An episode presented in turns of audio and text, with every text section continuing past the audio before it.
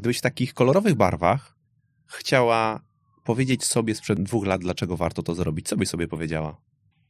Yy, że chyba bym sobie powiedziała, że nawet nie wiesz, jak fajne jest to życie bez tych kilogramów. Mhm. Nie wiesz, co tracisz, mając tę y, otyłość. Jakby y, po, y, nie, trudno mi jest ci powiedzieć, bo sobie nawet tego nie wyobrazisz. Jak, mhm. jak lżej się żyje, lżej się idzie, lżej się wstaje z łóżka, lżej się wstaje z fotela, można sobie gdzieś podbiec, można sobie mierzyć ciuchy i nie masz problemu, że nic na ciebie nie wchodzi. Swoim tempie. Podcast sieci fitness CityFit. Dzień dobry Państwu. Dzisiaj w studio CityFit ze mną Katarzyna Kucewicz, psycholożka, psychoterapeutka, która straciła 50 kg, ponad 50 kg i wyszła e, z otyłości olbrzymiej. Cześć.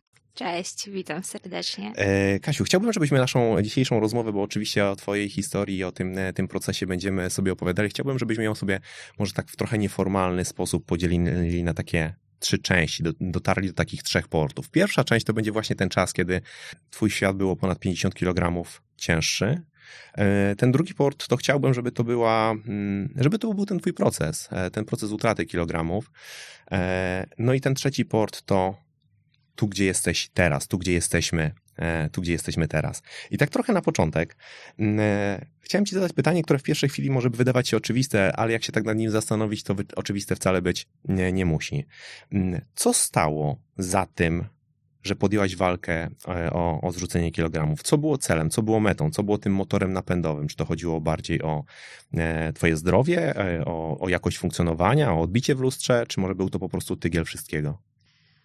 To jest takie pytanie, e, na które pewnie mogłabym tutaj mieć jakąś e, długą historię, ale historia jest dosyć krótka i prosta. Ja po prostu któregoś razu e, na samym początku roku 2000, poczekaj, 22, tak, 22, na samym początku, pomyślałam, że no, chcę coś ze sobą zrobić. Chcę, chcę, chciałabym zrzucić kilogramy. E, po prostu, bo bym chciała. Naprawdę bez żadnego większego, bez jakiejś takiej większej e, refleksji, po co mi to, na co i dlaczego. Dlatego, że ja byłam w dużej samoakceptacji. Ja siebie lubiłam, taką plus size. Ja nie miałam do siebie większych zastrzeżeń, jeżeli chodzi o mój wygląd miałam kilka problemów zdrowotnych e, związanych z tym, że po prostu miałam mniej siły, e, byłam taka no, mniej sprawna, e, czy jakieś tam różne, różne inne trudności związane z otyłością mi się pojawiały. Natomiast nie jest tak, że ja byłam obłożnie chora i gdzieś na łożu śmierci podjęłam decyzję, że muszę zrzucić kilogramy. Tak nie było. Wiodłam fajne życie. Mhm. I, e, ale gdzieś, ponieważ ja mam prawie 40 lat, gdzieś e, w pewnym momencie pomyślałam, że no, jakby chciałabym zobaczyć, jak to jest być szczuplejszą. E, była u mnie e, znajoma, zresztą bardzo, bardzo znana e, polska piosenkarka, tego, tego właśnie chyba to był 2 stycznia i, i tak żeśmy sobie rozmawiały o redukcji kilogramów. Ona ma cudowne, jest bardzo wysportowana, świetnie wygląda i, i jakoś tak po, po rozmowie z nią, jak ona wyszła ode mnie z domu, tak pomyślałam sobie, ja chyba spróbuję e, zrzucić te swoje kilogramy. Mm, ja nie miałam pojęcia, ile ja ważę. Mhm. Ja nie miałam pojęcia w ogóle, e, co to jest BMI. E, ja w ogóle o niczym nie miałam pojęcia, ponieważ ja nie podchodziłam za bardzo do y, redukcji na serio.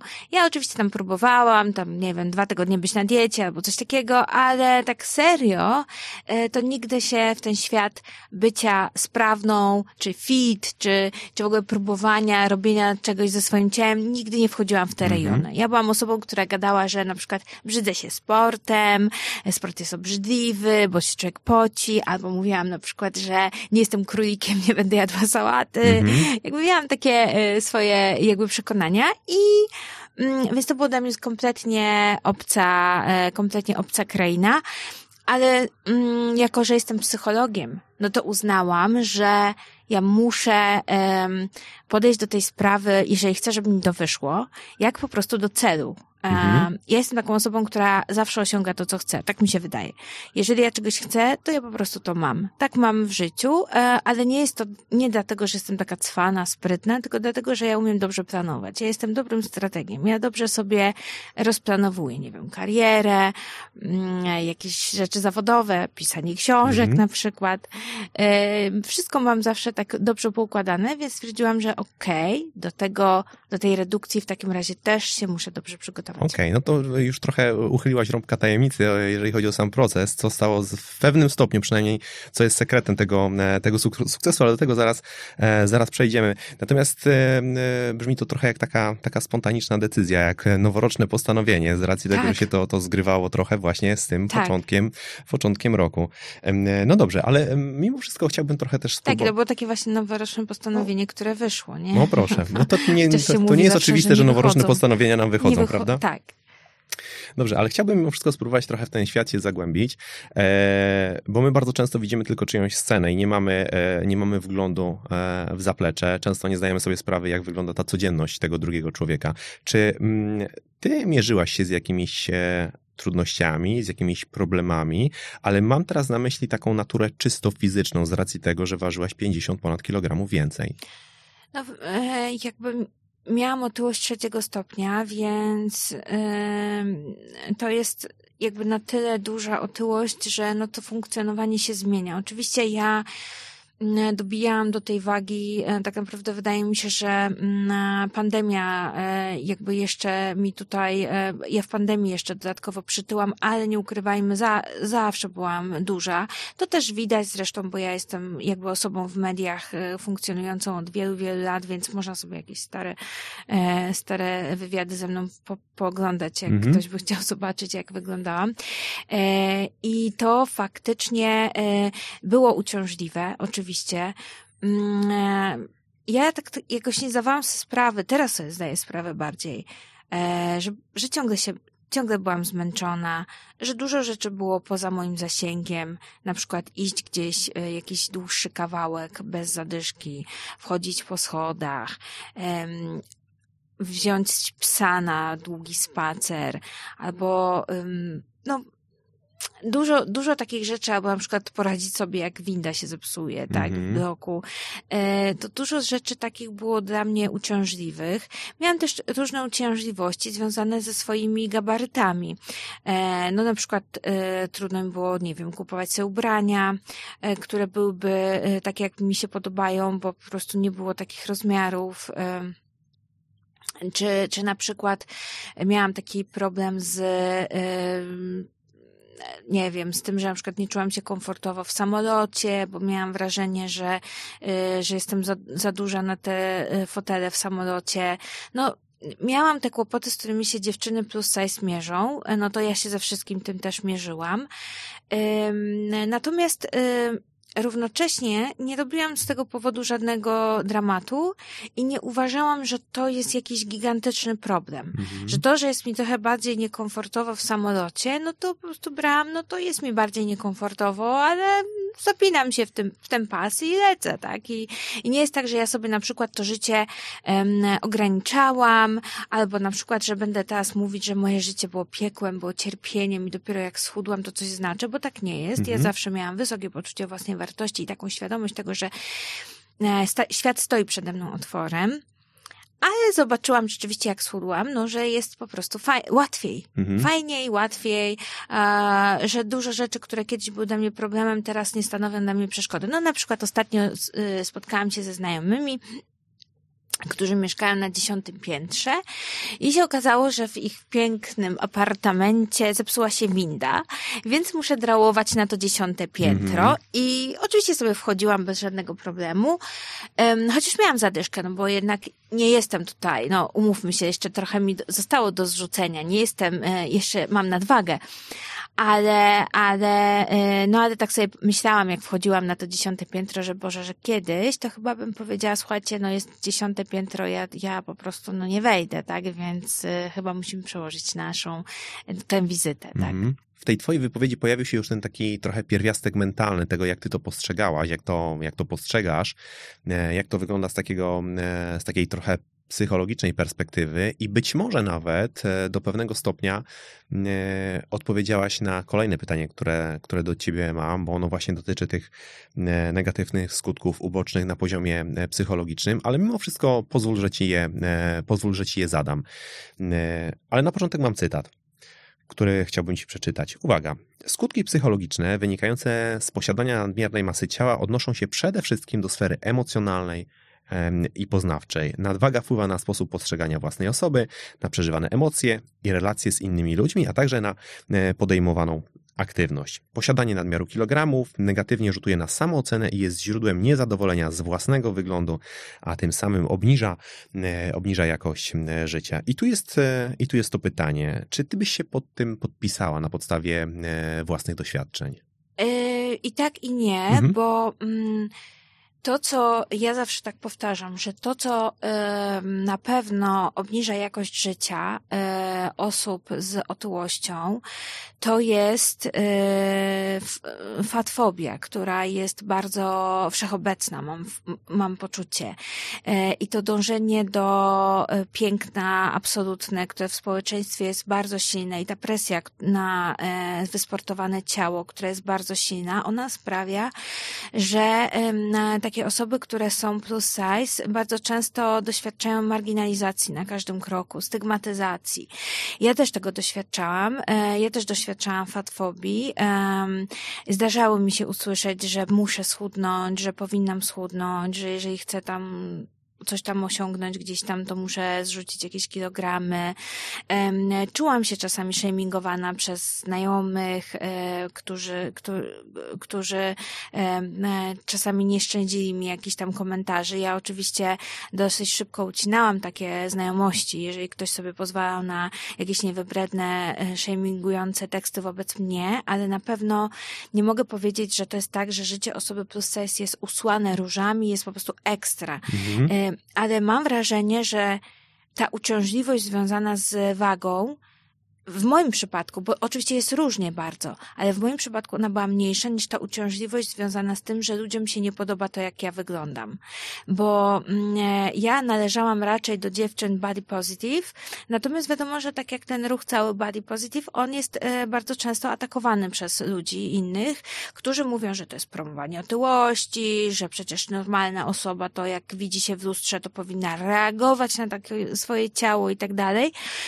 I to było rzeczywiście raniące. Ja oczywiście zdaję sobie sprawę z tego i też jestem taką osobą, która uważa, że otyłość jest chorobą. Mhm. I e, jest chorobą, którą dobrze jest leczyć. Natomiast y, trzeba też ją w sobie uszanować, a nie nienawidzić. Trochę tak jak z depresją, tak? Chcemy leczyć depresję, ale nie będziemy siebie atakować, nienawidzić i brzydzić się sobą, dlatego że mamy depresję, mm -hmm. prawda? A mam wrażenie, że trochę społeczeństwo oczekuje, że osoba na plus size będzie się siebie brzydzić, siedzieć w domu albo siedzieć na tej siłowni od rana do nocy i się z obrzydzeniem pozbywać swoich kilogramów. Mm -hmm. Bo jak tylko mówi, ale ja siebie akceptuję, ja siebie lubię, no to, to bardzo często spotykają e, hejt. Mhm. E, więc mnie hejt też spotykał, jako że jestem osobą, która często pojawia się w mediach, w telewizji, w radiu i tak dalej.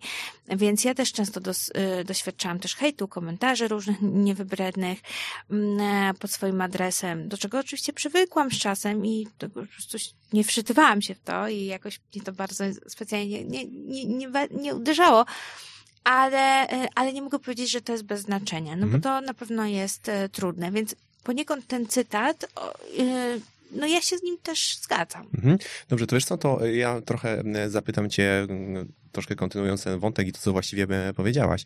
Czy tobie zdarzyło się, bo żyjemy w takich czasach, kiedy między innymi kształtowanie sylwetki czy utrata kilogramów bardzo często odbywa się e, w takim trochę interdyscyplinarnym zespole. Coraz częściej już tak się to odbywa, że ludzie wiedzą, że obok dietetyka i obok trenera ten aspekt psychologiczny odgrywa szalenie istotną rolę. Z racji wykonywanego fachu, z racji tego, że jesteś tym psychologiem, psycholożką i psychoterapeutką, czy tobie zdarzyło się, że twoje kompetencje kompetencje były mierzone wagą albo centymetrami? Fajne pytanie, ciekawe, bo mm, myślę, że tak, bo zdarzało mi się czasami usłyszeć, że ale to od osób, które nie od swoich pacjentów nigdy, ale od osób, które gdzieś tam nie zobaczyły w jakimś programie, na przykład, no, co to za psycholog, co nie umie schudnąć, mhm. nie? No to y, ja właśnie, tak jak niedawno udzielałam takiego wywiadu właśnie w, w gazecie wyborczej i tam mówiłam o tym, że no dobra, no to schudłam teraz i co? I serio myślicie, że jestem lepszym psychologiem, bo schudłam? Tak nie jest, tak? Y, jakby cały czas jestem tym samym psychologiem, y, w procesie redukcji jakby nagle nie doszło mi kompetencji psychologicznych. I natomiast, natomiast no, często jest tak, że, że, że ludzie wykonujący zawód, zawód taki jak mój psychologa, psychoterapeuty też mają wewnętrznie jakieś swoje mm, słabości albo jest coś, z czym się zmagają, tylko rzeczywiście z otyłością jest tak, że ją widać na przykład wielu terapeutów ma depresję, tak, o tym się często mówi, tak, że, że ludzie wykonujący zawody samo, e, zawody pomocowe zmagają się z różnymi mm -hmm. trudnościami emocjonalnymi, ponieważ biorą na siebie bardzo duży ciężar e, takiej, takiej relacji z drugim człowiekiem, e, więc, więc to się zdarza, no ale rzeczywiście z otyłością jest tak, że ją widać po prostu, że Naturalnie. to jest taka trudność, którą no nie da się tego nie zobaczyć, tak jak depresję jesteś w stanie przymaskować, ukryć, e, po prostu zapudrować i, i, i, i iść do pracy i, i, i niestety jakby męcząc się okrutnie, ale pokazywać, że niby nic się nie dzieje. Przyodziewać szaty uśmiechu. Tak, a, a tutaj to po prostu no nie można, nie można udawać, że się nie jest plus jak się jest, prawda? Mhm. Więc, e, więc to po prostu naoczne było i to rzeczywiście ja dostawałam takie komentarze. E, natomiast nigdy w życiu nie usłyszałam czegoś takiego, nigdy w życiu mi się nie zdarzyło usłyszeć czegoś takiego od swoich pacjentów. Moi pacjenci, mm, miałam ich e, no, od prawie 15 lat, jestem psychoterapeutką, więc miałam ich bardzo, no setki w zasadzie. E, I nigdy w życiu nie usłyszałam, że ktoś powiedział, o pani, co pani wie, pani, nie wiem, nigdy nie była szczupła, albo nie zna się pani, ale też na przykład ja nigdy nie podejmowałam tematu e, zaburzeń odżywiania e, w swojej pracy i nigdy mhm. się na przykład z pacjent, pacjent, nie pracowałam z pacjentami na przykład z anoreksją czy z bulimią, bo uważałam, że w ogóle zaburzenia odżywiania jest takim obszarem, gdzie ja się mogę komuś wydawać niekompetentna i też ten obszar powiem szczerze, jakoś mnie nie interesował. Jasne. Ja zawsze pracuję z osobami, które, jakby w obszarach, które czuję, że są mi bliskie gdzieś, albo które rozumiem, empatyzuję i gdzieś w danym momencie czuję, że jestem kompetentna. Mhm. A w tym temacie zaburzeń odżywiania nie czułam się bardzo kompetentna z racji po prostu sama posiadania właśnie otyłości. No, Każdy ma jakąś tam swoją specjalizację Dokładnie. i swoją przestrzeń, w której się e, swobodnie porusza i, i to jest fantastyczne, kiedy w niej potrafimy e, pozostać. I kiedy też potrafimy odesłać, prawda, do kogoś, a nie na przykład pracować z kimś, a równocześnie nie czując e, tematu. Ja mhm. zawsze jak czuję, że nie czuję, to zawsze mam grono cudownych koleżanek, psychoterapeutek, które, które prostu, do których odsyłam z takim pełnym zaufaniem. No i to też zawsze procentuje. Jestem zdania, że to zawsze, zawsze tak. procentuje i niesie obopólne korzyści zarówno dla specjalisty, jak i dla, jak i dla, e, dla podopiecznych e, pacjentów, ludzi, z którymi, z którymi tak, się pracuje. zasługują, żeby, żeby po prostu ktoś był za, e, taki bardzo, no, żeby był kompetentny w, mm w swoim... Oczywiście i żeby można było mu w tym zaufać, prawda? Ten tak. element zaufania jest tutaj szalenie ważny. Tak. E, dobrze, to ja mam taki, e, spróbuję może odwrócić monetę e, i zapytać ciebie, bo pop, niekoniecznie kulturze takich mediów społecznościowych, chociaż nie dotyczy to wyłącznie mediów społecznościowych, funkcjonuje takie zjawisko, mm, gdzie kobiety ważące powiedzmy 60 kg albo nie wiem, 55 kg, kobiety o prawidłowej masie ciała mówią, ale ze mnie kluska, ale jestem gruba, ale przytyłam. Czy to jest coś, co w jakiś sposób e, dotyka osobę, która ma e, taką otyłość olbrzymią? Czy to jest coś, co e, rodzi jakieś takie myśli w głowie, czy niekoniecznie wchodzimy na czyjeś podwórko i po prostu patrzymy? Pytam ciebie. Nie chciałbym, żebyś odpowiadała za wszystkie osoby, które, które mają nadmiarowe kilogramy, tylko żebyś odpowiedziała ze własnej perspektywy. Jakby dla mnie to nigdy nie jest, w ogóle się nigdy nad tym nie zastanawiałam, czy to jest w jakiś sposób irytujące dla mnie. E, chyba nigdy, zawsze miałam bardzo, bardzo atrakcyjne przyjaciółki e, w normie e, mhm. i które miały często różne zastrzeżenia do siebie. Nigdy nie odbierałam tego w ogóle jakoś do siebie. W ogóle mnie chyba nawet nie przyszło to do głowy, żeby brać do siebie to, że ktoś ma prawidłową wagę, a śmie narzekać, mhm. tak? Absolutnie. Zresztą powiem tak, że E, bardzo często dzisiaj spotykam się z kobietami, które mówią mi, że e, ja je e, inspiruję, że moja historia je inspiruje, że moja w ogóle mój sposób motywowania ludzi, ponieważ ja mm, dużo pracuję w takim obszarze mentoringowym, motywującym do e, pracy, do, do zmiany mindsetu w, e, w procesie redukcji kilogramów. E, I bardzo często mówią, pojawiają się u mnie dziewczyny, które ważą, mają kilka kilogramów do zrzucenia, e, są dużo szczuplejsze ode mnie i, i, za, i były zawsze, tylko mają po prostu, nie wiem, kilka, brakuje im powiedzmy 3 kilogramów do e, normy w BMI-u. I mówią, wiesz, to nieważne, bo jakby jakby dla mnie ważne jest to, żeby zrzucić i, i nie patrzę na ciebie, że, że czy ty ważysz więcej. Ja też nie patrzę na nie, że a one mało ważą, ważą, więc co one będą tutaj, po co ja mam je motywować? W ogóle nie mam takich myśli, bo zdaję sobie sprawę z dwóch rzeczy. Po pierwsze, zdaję sobie sprawę z tego, że jak się jest bardzo szczupłą osobą, to bardzo trudno jest zrzucić nawet 1, 2, 3 kilogramy. Widzę często moje koleżanki, które są powiedzmy tuż przed normą w BMI i one mówią, Kasia, te ostatnie kilogramy, zresztą ja widzę po sobie, te ostatnie kilogramy schodzą mega wolno, mega Mhm. wolno. Jak się jest, ma taką otyłość trzeciego stopnia, to żeby wejść z trzeciego stopnia na drugi stopień, to mm, jak człowiek się zaweźmie, to to nie jest długi czas, to to szybko leci, naprawdę. Te, te Mhm. kilogramy, jak się ma sporo powyżej setki, to tak do setki można spokojnie dolecieć em, jakby na tym flow jest to dużo łatwiejsze. Natomiast po, od, od tych 99 w dół, to się dopiero zaczynają Coraz bardziej schody. pod górę. Tak, i to jest dopiero trudne, i to naprawdę wymaga pracy nad sobą, i to naprawdę wymaga e, czasami gigantycznego wysiłku, bo ja często mówię dziewczyny, ja ćwiczę tak dużo, mam super zbilansowaną dietę i ja chudnę kilogram dwa miesięcznie. E, Dwa miesięcznie to byłoby super, kilogram miesięcznie, Mhm. czasami kilogram na dwa miesiące teraz.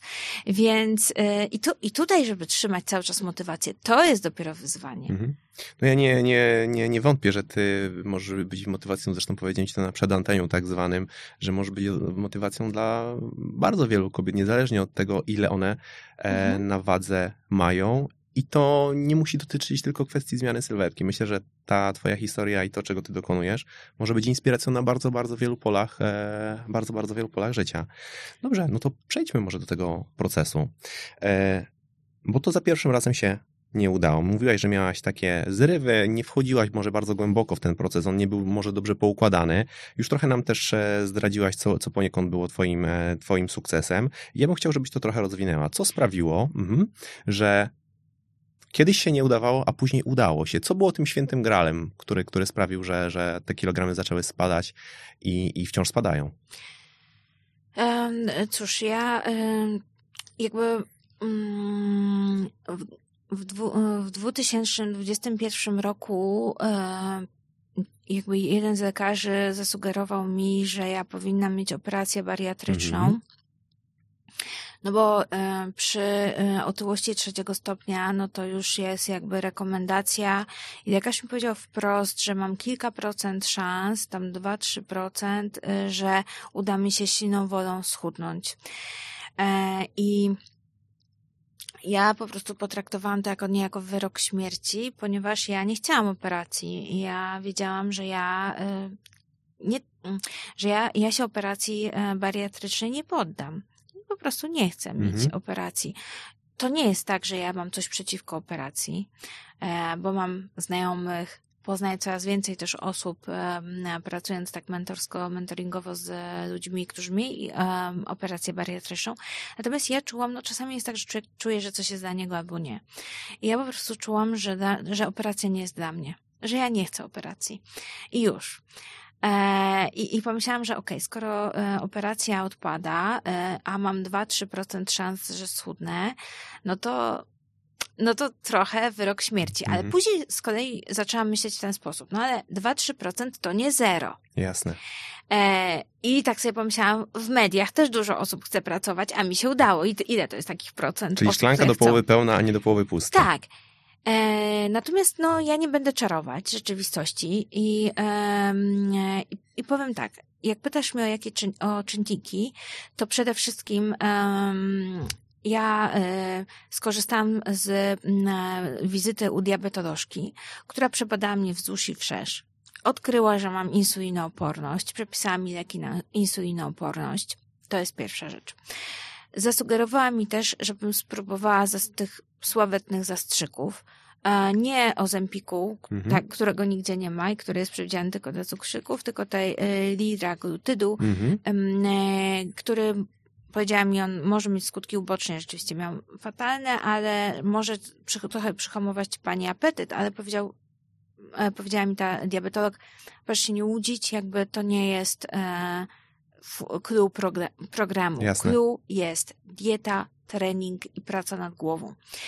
I ja rzeczywiście przez pewien czas brałam ten, e, te leki. One e, przyhamowały mi apetyt, e, który był bardzo duży. Mm, takie wilcze głody, które mhm. ja miałam. Ja nie miałam napadów nocnych e, jedzenia, ale w ciągu dnia to po prostu hulaj dusza piekła nie ma.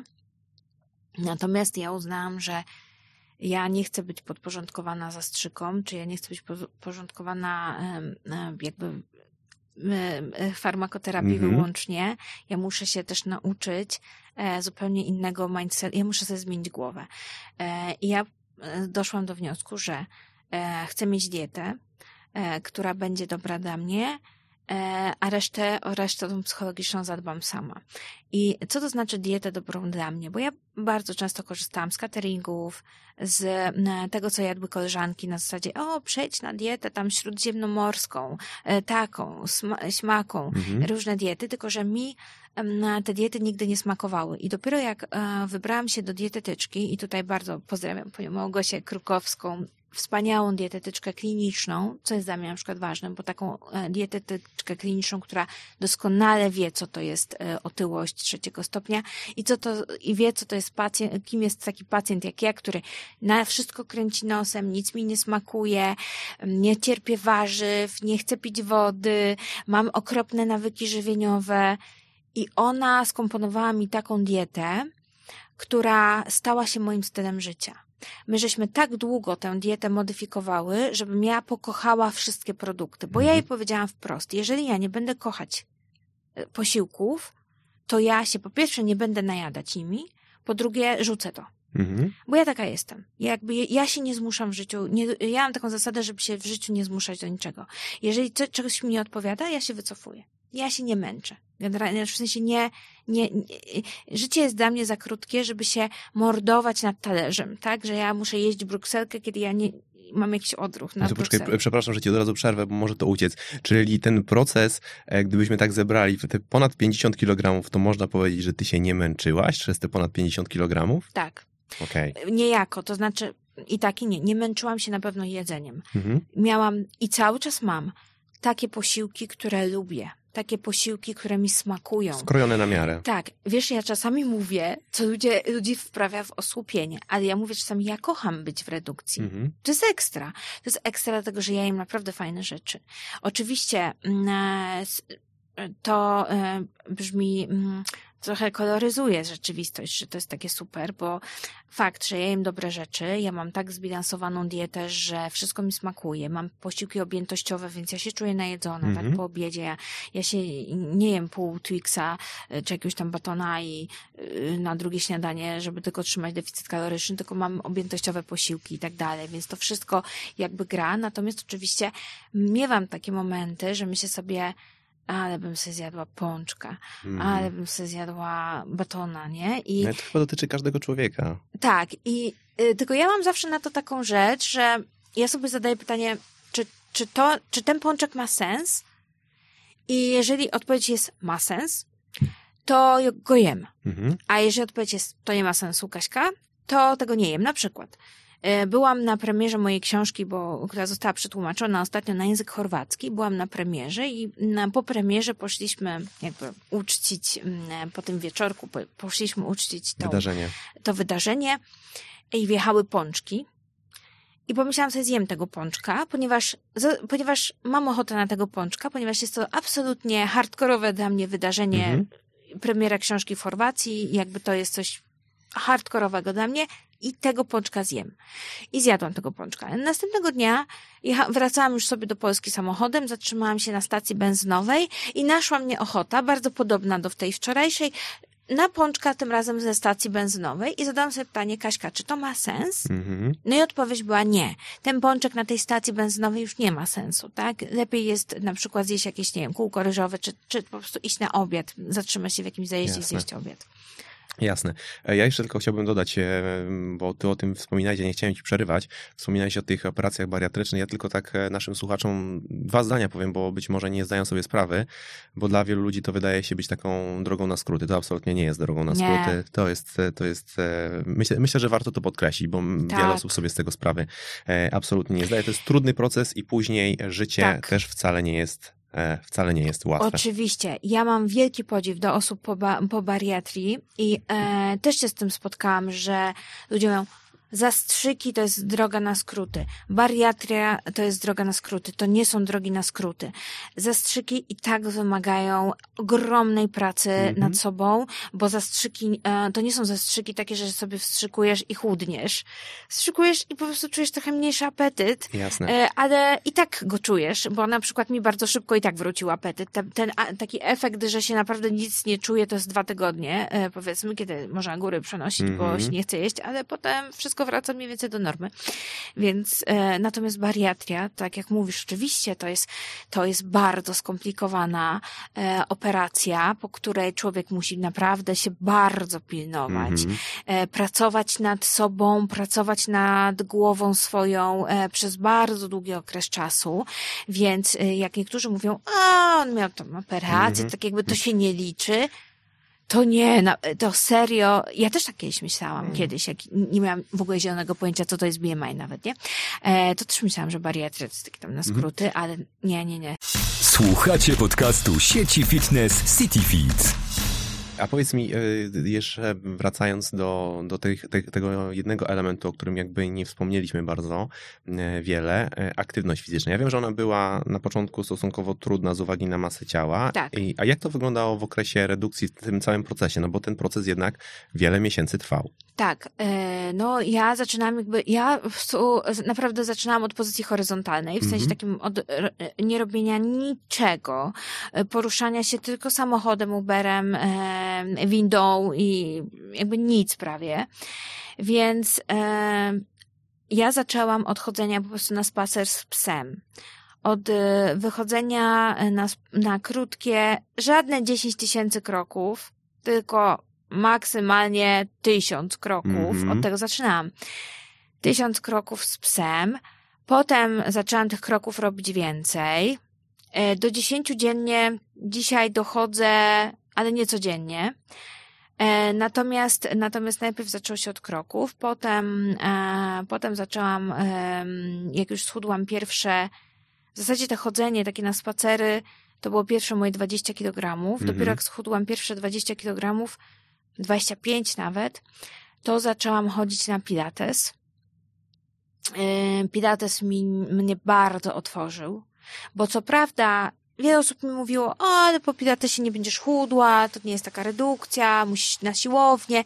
Jasne, zgadzam się, natomiast pilates e, osobie z dużą nadwagą czy otyłością, która się nigdy nie ruszała, pozwala po prostu po pierwsze poznać się ze swoim ciałem, Po drugie, przełamać wstyd, przełamać Mhm. jakąś barierę, bo te ćwiczenia nie są takie trudne, e, nie są aż tak forsujące, To jest więc fantastyczne narzędzie dla głowy. Tak, i jest to super dla głowy. Mhm. No, to jest fantastyczne rację. narzędzie dla głowy. I to też trochę otwiera oczy i pokazuje teraz Twoim głosem, że cały proces, który się odbywa i na horyzoncie ktoś ma, powiedzmy, utratę kilogramów, to trzeba na to spojrzeć trochę szerzej, bo to nie są tylko te narzędzia, Tak. które w pierwszej chwili wydawałoby się, że będą idealne do, do e, utraty kilogramów, do generowania wydatku energetycznego, ale szereg tych innych, które pozwala nam poprawić taką naszą zwykłą jakość funkcjonowania w tym całym procesie. Tak. Bardzo dokładnie. fajnie, bardzo fajnie, że o tym mówisz. Tak. E, A skoro o tym, o tej głowie mówimy, to ja bym chciał dotknąć troszeczkę takich kwestii jak emocje, no bo strach, lęk, złość, a paradoksalnie czasem również nawet radość może powodować, że ludzie do lodówki zwyczajnie e, uciekają, że szukają jakiegoś takiego e, panaceum właśnie w jedzeniu. Jest to taki plaster, który ma trochę te emocje przykryć, bo no, jedzenie nie służy tylko zaspokajaniu głodu fizycznego. Czy ty miałaś z tym problemy? Z tym, że zajadałaś emocje, że się to mm, w twoim życiu pojawiało? Um, jakby ja nie jadłam pod wpływem stresu, Mhm. e, nie miałam takich, em, takich e, napadów, natomiast ja jadłam z nudów Mhm. i, i z braku czasu.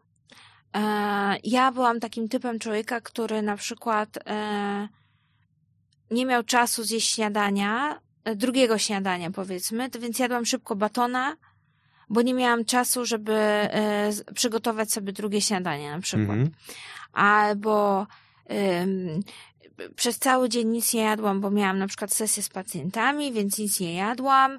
E, Nie chciałam, żeby ktoś na mnie czekał za długo. Nie chciałam, żeby e, jakby, żeby w moim ośrodku, mm, który prowadziłam, żeby unosił się jakiś zapach jedzenia, więc wolałam sobie na przykład podjadać jakieś delicje, a potem e, wracałam taka mega głodna do domu i się rzucałam na jedzenie. Także miałam mega niezdrowe nawyki. Ale to brzmi trochę tak, jakbyś przekładała dobro innych nad swoje. Tak, tak, tak, dokładnie. Jakby self-care y, u mnie leżał całkowicie. W ogóle nie troszczyłam się o siebie e, w tym aspekcie. Y, Myślę, że zresztą wielu innych, że to w ogóle tak jakby nie, nie opiekowałam się sobą. Mhm. E, I tak trochę traktowałam siebie tak e, na zasadzie, no, no, no tam są Takiego rzeczy tekstu ważniejsze. pobocznego. Tak, tak, są rzeczy ważniejsze niż ty. E, No i to mi się bardzo zmieniło. Mhm. E, I to mi się bardzo zmieniło i zaczęłam stawiać siebie gdzieś na równo z innymi ludźmi. Mm, I też, i tak samo jak inni ludzie są dla mnie ważni, tak samo zaczęłam być sama dla siebie ważna. No i, e, no i dzisiaj już mam zupełnie inne podejście. Ale rzeczywiście na początku było tak, że ja jadłam, czasami, y, czasami jadłam też, i do dzisiaj tak mam, że jak się nudzę, to mam takie myśli, żebym sobie coś zjadła. Jakby to, to jest natu- naturalne, mam taki odruch, nie? Że na przykład jak oglądam jakiś film, jedzenie mi towarzyszyło też, jedzenie, jadłam też w fajnych sytuacjach. Na przykład, yy, wiem, uwielbiałam ze znajomymi, tak, że przychodzą Mhm. do mnie znajomi, wychodzimy na balkon, jak jest ładna pogoda i sobie na przykład robimy taką ucztę na tarasie, nie? Uwielbiałam to. I sobie dużo jemy, jest fajne jedzenie, jest dużo słodyczy, dużo jakichś takich super ekstra potraw, e, napojów, wszystko jest takie Mhm. wow, wow, wow. Więc e, na przykład takie biesiadowanie.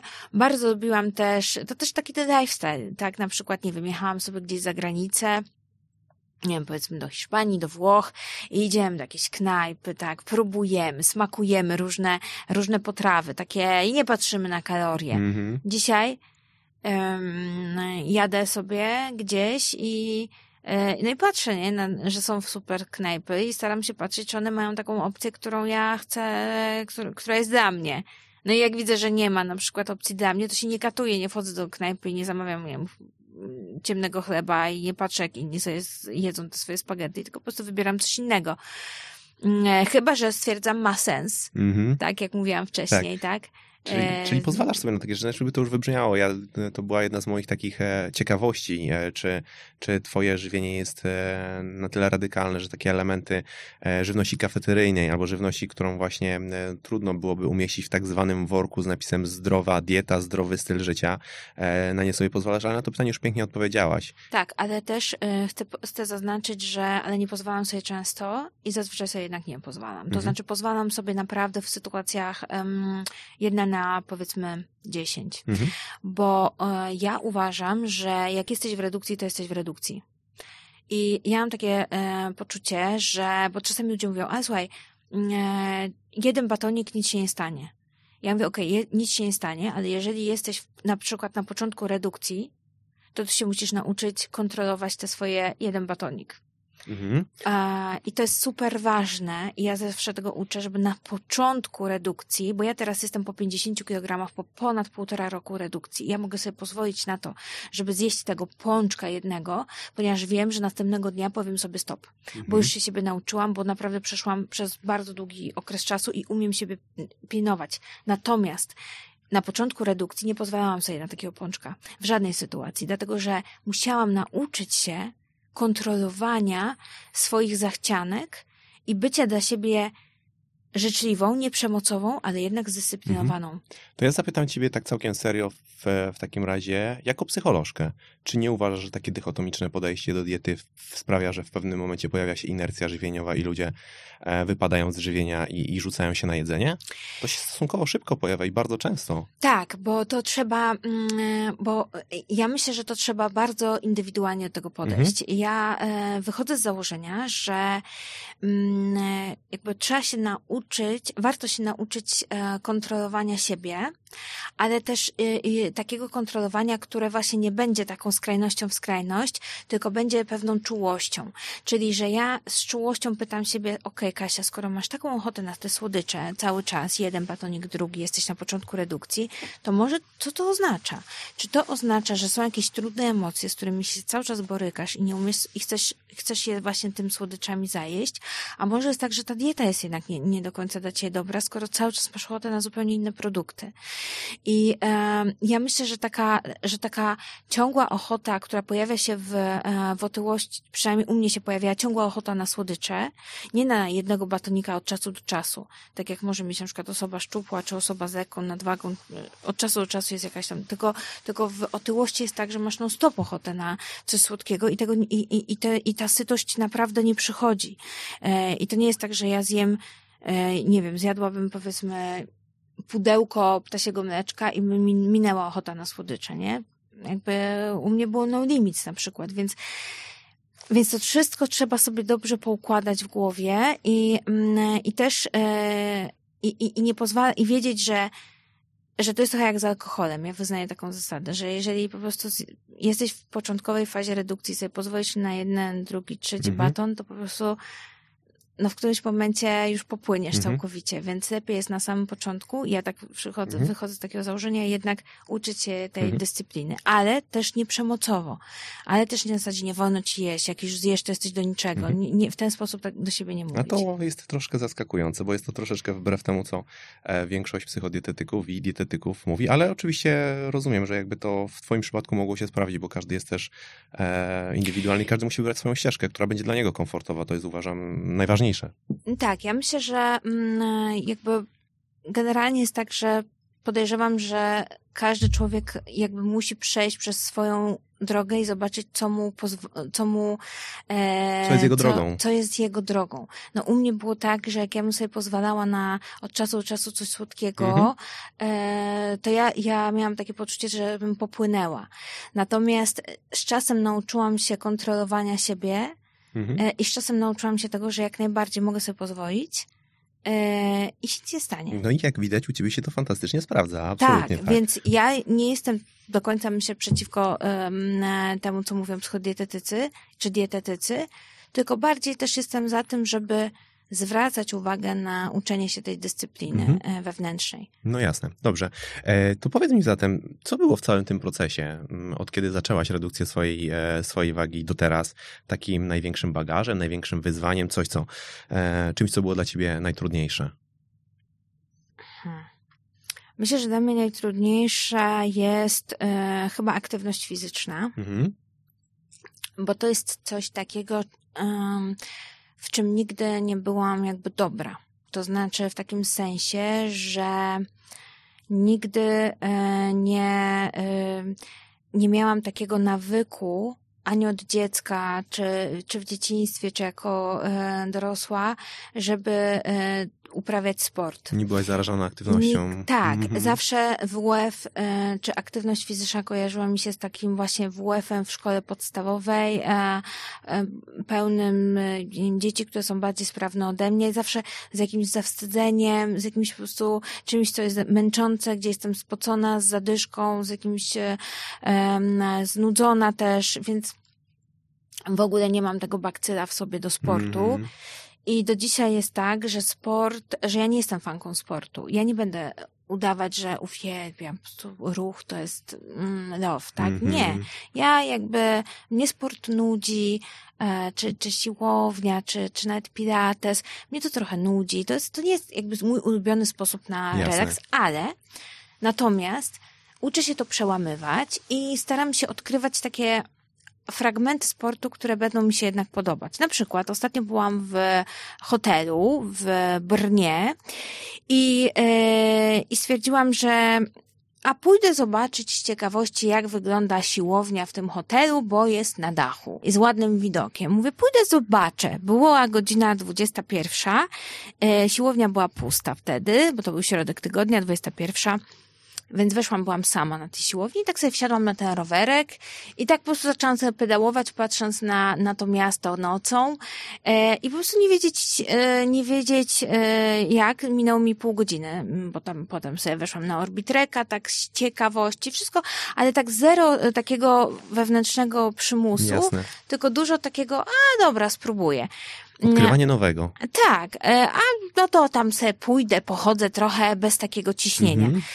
Kiedy podchodzę do aktywności fizycznej bez takiego, bez bycia dla siebie takim panem od WF-u, który mówi, Kaśka, teraz masz tutaj, dajesz siebie, Mhm. no ćwicz, podsiej, nie marudź. Mhm. Jak jestem dla siebie taka życzliwa, to po prostu nagle to jest dużo łatwiejsze. Mhm. Natomiast jak mi się włącza taki tryb, no już trzeba iść na siłownię, o już dawno nie byłaś, o teraz to musisz chyba, y, pojadłaś y, powiedzmy, więc musisz iść więcej na tej bieżni, no to nie, to odpada, Mhm. to wtedy... Ale to też bardzo fajnie, że, że o tym mówisz, bo to jest też taka, myślę, trochę wskazówka i ja z tym, z tym też coraz częściej się spotykam, że ludzie czasem odkrywają jakieś swoje miejsca przez zwykłą ciekawość, nie przez narzucanie sobie, że ja muszę to robić, tylko budzi się w nich właśnie jakiś taki pierwiastek ciekawości. Nie mam wielkich oczekiwań, pójdę, spróbuję, zobaczę. Jeżeli mi nie, Mhm. nie będzie to odpowiadało, e, to się świat nie kończy. Mogę z tego zrezygnować w dowolnej chwili. A może Tak. akurat okaże się, że to jest e, fajna przygoda. Także to Ja myślę, że w ogóle siłownia jest super, bo ja miałam bardzo, bardzo negatywne, stereotypowe podejście do siłowni, powiem szczerze. E, naprawdę, dla mnie to po prostu siłownia to było miejsce dla e, ludzi z zupełnie innego pokroju niż ja, fasujących się czym innym I, i ja miałam takie poczucie, że ja wejdę na siłownię i wszyscy na pewno rzucą to, co robią i zaczną się na mnie patrzeć i ze mnie śmiać, bo przecież po Mhm. to przyszli, że, e, żeby, żeby się ze mnie śmiać. tak. I naprawdę się zorientowałam. Na pierwszy raz, jak poszłam na siłownię, to celowo nie założyłam soczewek, bo uznałam, że jak nawet ludzie się będą ze mnie śmiać, to ja nie będę tego widzieć. Mhm. Naprawdę, to, był moja, to była moja myśl. Twoja metoda. Tak, moja metoda. Nie zakładam soczewek, będą się na mnie gapić, ja nic nie będę prawie widziała, jestem ślepa bez soczewek i bardzo dobrze.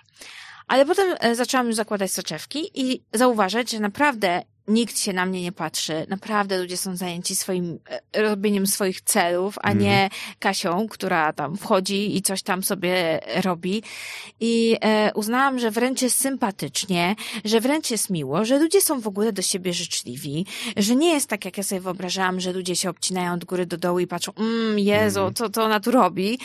Naprawdę to nie ma miejsca, że to jest bardzo w naszej wyobraźni. Jasne. I myślę, że to jest bardzo często taki obraz, jaki mają osoby plus size, bo ja jak ja miałam całe życie taki obraz siłowni, jako miejsca, gdzie jest shaming na całego, gdzie wszyscy będą się ze mnie śmiać i myślę, że dlatego nie chodziłam, a szkoda, bo e, bo, bo myślę, że e, no, dużo straciłam nie chodząc, Mm. nie? E, I, a teraz, a teraz po prostu już wiem, że naprawdę się nie boję i wszystkim osobom, które są plus size naprawdę doradzam, żeby poszły, spróbowały. e, Po prostu e, często siłownie dają taką opcję, że możesz wejść, po prostu pobyć chwilę, e, 15 Zaprzyjaźnić się z minut, miejscem i tak, wyjść po prostu nawet. i wyjść. I nawet nie musisz być w jakimś, jakichś leginsach, to po prostu Mhm. wejdź, zobacz, zobacz, że to naprawdę nie jest takie straszne i, i, i oswój się z tym, bo później już będzie lepiej. Jasne, to jest fajne, że w takim jaskrawych kolorach o, o tym mówisz i to, e, ja bym powiedział, że to nie dotyczy tylko osób plus size, chociaż oczywiście one ma, prawdopodobnie mają tutaj najwięcej obiekcji, ale to też jest fantastyczne miejsce, ja zawsze to podkreślam, e, z takiej trochę innej płaszczyzny i innej, innej perspektywy dla seniorów, dla ludzi, którzy tam mogą Mhm. znaleźć swoje miejsce, jako nawet taki zwykły element socjalizacji, po to, żeby przyjść, żeby spędzić miło czas z, Z innymi ludźmi, z innymi Tak. ludźmi, a przy okazji Tak. po prostu się, przy okazji po prostu się poruszać. Tak, no, ja myślę, że dla każdej osoby, która ma taki właśnie e, e, stereotyp siłowni w głowie, dla każdej osoby, czy seniora, seniorki, czy właśnie osoby plus size, czy po prostu osoby takiej w normie społecznej zupełnie, ale która ma problemy właśnie z siłownią, to fajnie jest po prostu wejść i zobaczyć, Mhm. że absolutnie nie jest to e, nic strasznego. Mhm. Nawet jak jest dużo ludzi na siłowni. E, o, Dobrze, to, to może po, e, porozmawiajmy chwilę o tym, o tym drugim człowieku, e, tak zwanym. E, No bo ten element e, wsparcia społecznego jest istotny. Całkiem niedawno nawet o tym mówiła Magdalena Hajkiewicz-Mielniczu, która jest, ja ją nazywam matką chrzestną polskiej psychodietetyki. Ona opowiadała o tym, jak istotny jest to czynnik w procesie właśnie odchudzenia. Czy ty miałaś takie osoby wokół siebie, które to wsparcie ci dawały? Które razem z tobą ten bagaż dźwigały? Tak, ja uważam, że w ogóle wsparcie społeczne jest super istotne e, w redukcji kilogramów, bo dla mnie na przykład e, bardzo ważne było e, posiadanie jakby osób, które będą e, uczestniczyły razem ze mną w tym procesie. Ja wiedziałam, że ten proces em, jest tak duży, ponieważ ja miałam e, 63 kg do zrzucenia, Mhm. więc to jest e, naprawdę bardzo dużo. Zostało mi jeszcze 63 to była taka, to jest taki mój cel, który ja sobie wymarzyłam, e, po prostu jest to norma w BMI. Mhm. E, i, I tyle. Natomiast, natomiast wiedziałam, że to jest taki pro, że to jest taka operacja, e, te 63 kilo, że ja sama tego po prostu nie zrobię. I, e, I w takim moim sztabem osób, ja tak się śmieję trochę, że to jest trochę tak jak z Igą Świątek, która Mhm. zawsze mówi, że nie byłoby mnie tu, gdzie jestem, gdyby nie Ci, którzy stoją w różne cieniu. Osoby. Te, Mhm. te osoby, których nie widać, a które są na, na backstage'u tak bardzo istotne. I u mnie na backstage'u na pewno była właśnie moja dietetyczka, moja mm, pani endokrynolog, diabetolog, em, moja, moje trenerki pilatesu, em, moja psychoterapeutka, superwizorka, która, e, które mnie po prostu też e, wspierały w tym procesie. E, moi przyjaciele, e, moja rodzina, e, która, która po prostu bardzo we mnie wierzy i, Mhm. mnie, e, i mnie dopinguje. I myślę, że bez tych, ale przede wszystkim bez tych profesjonalistów, no to ja bym sama, nie, no to sama bym sobie nie, nie dała rady. A czy można z tym pokusić się o stwierdzenie, że to te osoby były twoją największą siłą i opoką w tym procesie, czy było coś innego? E, No ja myślę, że ja byłam największą siłą Mhm. dla siebie, bo e, gdyby nie moja decyzja i determinacja, e, no to nawet najlepsi pomagacze by nie dali rady, by wymiękli po Mhm. prostu, tak? I, I też nie mogłabym ich wtedy za to obwiniać, prawda? Naturalnie. Że, bo często jest tak, że w, w takich zawodach pomocowych ludzie, na przykład dietetycy się mogą frustrować, czy psychodietetycy, że Jezu, no staje na rzęsach, a ta moja pacjentka, no jakby jak jadła hamburgery, tak je te hamburgery. Ale prawda jest taka, że no najwięcej ż- jednak zależy od y, pacjenta, tak? Czyli ja, ja miałam takie poczucie, no ja muszę, tak? To y, ludzie wskazują mi kierunek, ale to ja idę, nikt za mnie nie schudnie. To jest twoja praca, Tak. twój wysiłek, twoje zaangażowanie. Mhm. Przede wszystkim na pierwszym miejscu. Tak. Mhm. No to dobrze, no to spróbujmy. E, to ja spróbuję zadać takie może przewrotne pytanie już e, do tych e, czasów bardziej obecnych e, nawiązując, a ty może zaryzykujesz odpowiedź. Mhm. E, co powiedzieliby ci ludzie, jak myślisz, którzy cię dobrze znają, którzy uczestniczyli w tym procesie? E, co powiedzieliby, jak zmieniła się Kasia po tych 50 kg? Co zyskała, co straciła? Ostatnio, ostatnio słyszałam, że się mniej uśmiecham. No proszę. Na przykład. Yy, no, yy, ale wiesz, wiesz co? Ale ja myślę, że coś w tym jest, bo ja może się jej faktycznie mniej uśmiecham. Bo ja byłam takim uśmiechniętym grubaskiem po prostu. W sensie taką uśmiechni- zawsze uśmiechniętą Kasią, zawsze miłą, zawsze um, spolegliwą, zawsze taką yy, zawstydzoną trochę, taką Mhm. niepewną siebie. A teraz yy, chyba... Czy, to, to ja zapytam, przepraszam od razu, czy ten uśmiech był wtedy szczery, czy to była taka maska? On był szczery, tylko że on był taki przepraszający, taki Mhm. trochę ze strachu, taki. On był szczery, tylko. Mniej pewny siebie. Mm, Tak. Natomiast, natomiast mam wrażenie, że teraz rzeczywiście jestem taka bardziej waleczna i tam bardziej taka bez, em, pardonowa Mhm. może i, i to, to się bierze. Ale myślę, że, że na pewno mm, ludzie mi mówią, że specjalnie to ja się nie zmieniłam, e, bo dalej ten kor mój, moja osobowość jest taka sama. Mhm. E, ja dalej te wszystkie swoje cechy takie, które miałam jako osoba plus size mam teraz, charakteru. Jestem na pewno silniejsza psychicznie ale zawsze byłam. E, Mhm. Nie ukrywam. Tak jak mówiłam na początku, ja zawsze byłam taką osobą zdeterminowaną, która jak sobie coś uparła się na coś, to po prostu szła do celu. Miałam różne trudne ży- życiowe doświadczenia, które mnie nauczyły super samodzielności.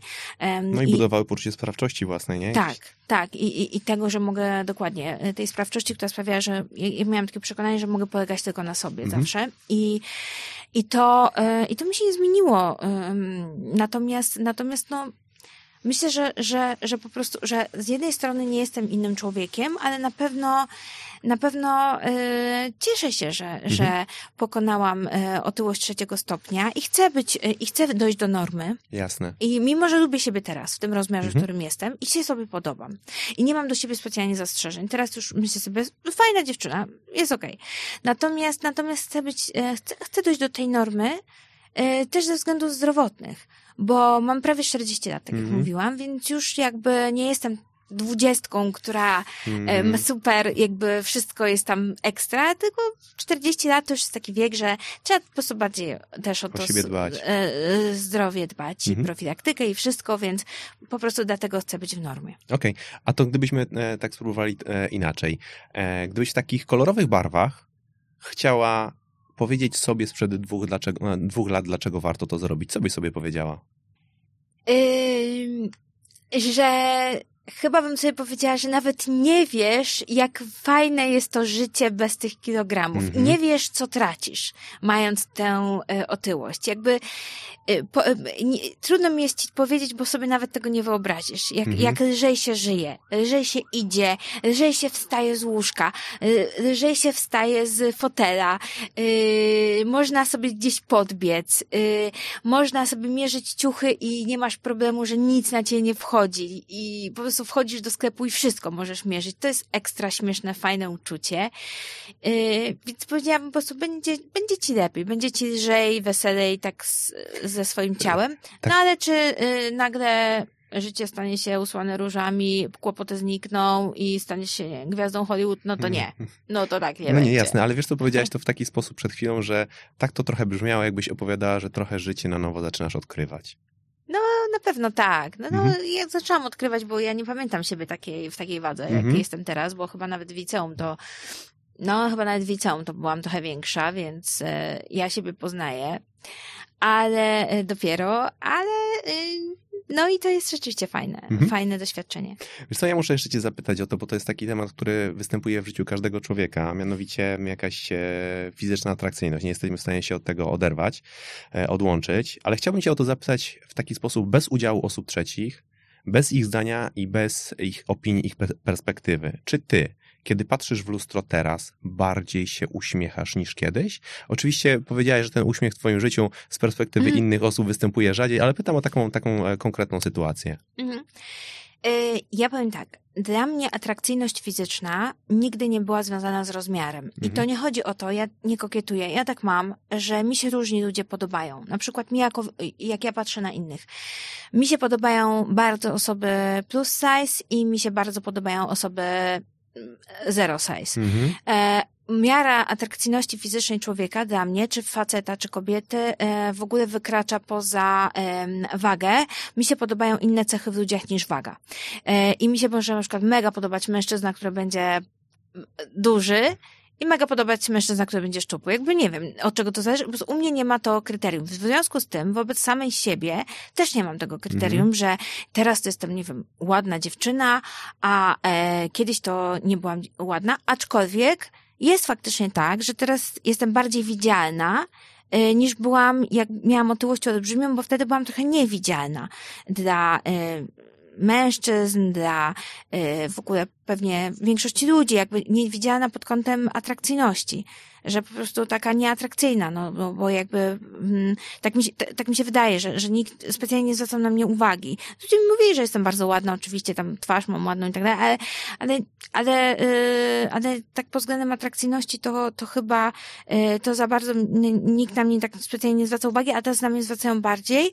Natomiast ja yy, jakby w ogóle się nad tym nie skupiam, bo to też nie jest tak, że nagle mam jakieś super ekstra powodzenie, wiadomo, tylko, tylko po prostu może więcej tam ludzi na mnie zerka, Mhm. ale czasami też tłumaczę, że zerkają na mnie ludzie, bo mnie poznają, rozpoznają, więc Że pod tym względem wiele się nie zmieniło, a pod względem właśnie mojego, mojej percepcji atrakcyjności to nie zmieniło się nic, ponieważ dla mnie ludzie właśnie więksi też są piękni. Czyli twoja definicja atrakcyjności nie jest skalowana przez pryzmat Nie. e, masy ciała. Nie. E, Okej, a czy. I to może jest nawet trochę pytanie zarówno e, jako do, do Kasi, która schudła 50 ponad kilogramów, jak i do Kasi, która e, ma licencję na to, żeby mówić e, w tych kategoriach ludzkiej psychiki, czyli psycholożki i, i, i psychoterapeutki. Czy nie jest czasem tak, że nadmiarowa masa ciała jest takim czynnikiem, na który ludzie składają trochę swoje e, niepowodzenia w innych sferach życia? Na przykład teraz mi się w pracy nie układa, bo mam dodatkowe kilogramy, teraz mi się w życiu nie układa, bo mam do- dodatkowe kilogramy, kiedy teraz nie jestem szczęśliwa, bo mam dodatkowe kilogramy. Czy spotykasz się z takim zjawiskiem? E, Ja powiem tak, że tak o sobie może Mhm, powiem, proszę że bardzo. mm, ja tak trochę miałam, że mi się wydawało na przykład, że ja e, coś mi się nie udało, bo jestem gruba. To miałam takie czasami myślenie, że a pewnie gdybym była szczupła, to bym, to by mnie, nie wiem, ktoś puścił w drzwiach. To było bardziej Albo to, kolorowo. To byłby milszy do mnie. To byłby bardziej uprzejmy do mnie, na przykład Mhm. pan na poczcie.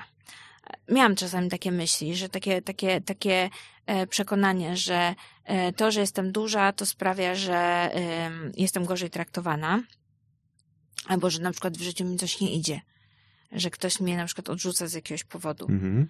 E, że ktoś mówi na przykład, nie nie, nie, nie, nie wygrywam jakiegoś castingu na przykład do programu, nie? Bo i sobie myślałam, a to pewnie oni mówią, że to inne kryteria, ale pewnie tak naprawdę chodziło im o to, że jestem za duża. Mm, e, To miałam takie myśli. E, Natomiast, natomiast e, jak to jest, pewnie czasami jest tak, że osoba, że, że, że ciało to jest, jakby ciało towarzyszy nam non-stop, 24 na dobę. Więc nierzadko jest tak, że my oceniamy rzeczywistość społeczną przez pryzmat swojego ciała i myślimy sobie, no tak, no jakby ciało jest moim jakimś ogranicznikiem, tylko że ja, ja myślę, że dużo rzeczy jest w głowie, że to jest tak jak powodzenie e, u płci przeciwnej czy tej samej, jak w zależności od naszej orientacji, że są osoby, które są bardzo, powiedzmy, przecięt, przeciętnie w kanonie, Mhm. ale mają super powodzenie, bo mają to coś, tę pewność siebie, to poczucie, że są fajne, wyjątkowe. I, i, i mają co, kogo Mhm. chcą, to, to są w stanie poderwać, a są osoby, które są bardzo na przykład atrakcyjne, ale mają taki wdrukowanego takiego hejtera w sobie, że absolutnie jakby nikt do nich nawet nie podejdzie na imprezie. Zawsze Mhm. podpierają ścianę, mimo swojej piękności kanonicznej takiej, no bo wiadomo, piękno to rzecz względna, ale mówię o jakichś tam powiedzmy kanonach, Mhm. właśnie ze względu na to, że, że mają taki w sobie, mm, e, e, taką, taki w sobie blokad, taką sobie blokadę, takiego w sobie hejtera, więc, więc myślę, że często jest tak, że jak my sobie coś wdrukujemy w głowę, że na przykład, a wszystko przez to, że jestem duża, a to mi się nie uda, bo jestem duża, albo o, tak jak ja na przykład myślałam, jestem za duża, żeby schudnąć. Ja sobie tak myślałam na przykład, to ja już jestem za duża, żeby schudnąć, tak? Bo, no bo skoro tylko powiedzmy ta operacja, no to już jestem, czyli jestem za duża, żeby się odchudzać. Za duża, żeby chodzić na siłownię, za duża, żeby zdrowo jeść. Nie, no miałam jakiś taki absurdalny tok Mhm. myślenia też. Więc, e, no, myślę, że głowa to jest w ogóle podstawa mm, pracy nad sobą. Absolutnie, absolutnie. A czy y, to też tak, y, może jako takie pytanie dodatkowe do tego, czy ty znasz jakąś metodę, albo czy jest jakaś metoda, e, by odróżnić to, co w naszym życiu jest za sprawą dodatkowych kilogramów, za sprawą nadwagi, a co tylko w ten sposób sobie tłumaczymy? Czy to jest indywiduum jednostki, wymaga to przepracowania indywidualnego? Jezu, ja to jest mega trudne pytanie, nie wiem, czy w ogóle ja jakby ogarniam. Tak jak powiedziałaś, że są pewne rzeczy, które mm, ty też sobie tłumaczyłaś, że to jest za sprawą nadwagi. Mhm. Czy jest jakiś sposób na to, żeby to odróżnić, żeby sobie to wytłumaczyć przed lustrem, czy to wymaga jednak e, być może nawet pracy ze specjalistą? Ja myślę, że, że jeżeli jakby towarzyszy nam taki głos, e, który nas e, bez przerwy atakuje i taki głos, który nas bez przerwy i, i to się pojawia notorycznie. To nie jest tak, że jednorazowo się taka sytuacja nam przytrafia, że tak pomyśleliśmy, tylko na przykład co by się nie działo negatywnego, to my, to my zrzucamy na tą swoją wagę całą winę. I kiedy ta waga staje się na nas takim wytrychem, że byle co się stanie, to ja wszystko odnoszę do swojej wagi, Mhm. nie? Że, że nie wiem, nie był dla mnie miły pan na stacji benzynowej, to waga. Nie był dla mnie miły pan dziennikarz, to waga. Nie był dla mnie miły komentator, to waga. Nie, nie, nie było coś, coś mi się tam nie, wyda, nie wydarzyło fajnego, to waga. Nie Winowajca numer jeden. Tak, winowa, jeżeli waga jest winowajcą numer jeden za każdym razem, no to myślę, że to jest taka, to jest taki, to jest dla nas taki cynk, że musimy coś z tym zrobić, Mhm. nie? Że dobrze byłoby wtedy sobie spróbować na, e, na przykład przy pomocy psychoterapeuty, psychodietetyka może, e, psychologa, e, roz, rozwikłać tę zagadkę, co, co, co się dzieje z nami, nie? Bo Mhm. i ja myślę, że ten mindset i ta zmiana myślenia jest bardzo ważna i to jest coś bardzo istotnego, żeby ludzie e, nauczyli się innej narracji wewnętrznej, takiej narracji pełnej współczucia, e, uważności na siebie, na, połączonej z, z jednej strony z taką, właśnie dyscyplina to jest takie brzydkie słowo, ale z taką, z takiej, takiej czułej dyscypliny, czyli Mhm. takiego jednak powiedzenia sobie, okej, ale w tym momencie ważniejsze jest dla ciebie to, żeby, żeby jeść zdrowo, a nie żeby jeść pączki. Mhm. Wybierz to, co jest dla ciebie najważniejsze, na przykład, prawda? Więc, więc myślę, że, że ważna jest taka praca nad sobą, e, e, nad swoim systemem przekonań, nad takim prowadzeniem siebie e, w sposób dorosły i myśleniem w sposób dorosły, a nie myśleniem w sposób dziecięcy. Bo takie myślenie dziecięce z mojej perspektywy bardzo często dotyka właśnie osób zmagających się z na, nadprogramowymi kilogramami. E, to jest takie właśnie myślenie dziecka, tak, które mówi, Które nie ma nic wspólnego biorę. też z metryką, prawda? Tak, tak. To jest po prostu jakby tam gdzieś taka, takie nasze wewnętrzne dziecko, które nie ma opieki żadnej, Mhm. którym się nikt nie opiekuje, tak? Które po prostu samopas sobie działa i, i się na przykład objada, tak? E, więc dobrze jest wypracować sobie na przykład na terapii takiego rodzica wewnętrznego, który będzie to dziecko potrafił okiełznać. Mhm. Pięknie, pięknie. E, Mam jeszcze na koniec takie e, do ciebie pytanie, bo dane z literatury fachowej wskazują jednak, że proces e, utraty kilogramów jest procesem łatwiejszym niż proces utrzymywania masy ciała i ten Mhm. proces stabilizacji, utrzymywania jednak jest obarczony większym, większym ryzykiem niepowodzeń. Czy ty, Tak. ty się tego obawiasz? Czy masz czasem takie myśli, że te kilogramy mogą wrócić?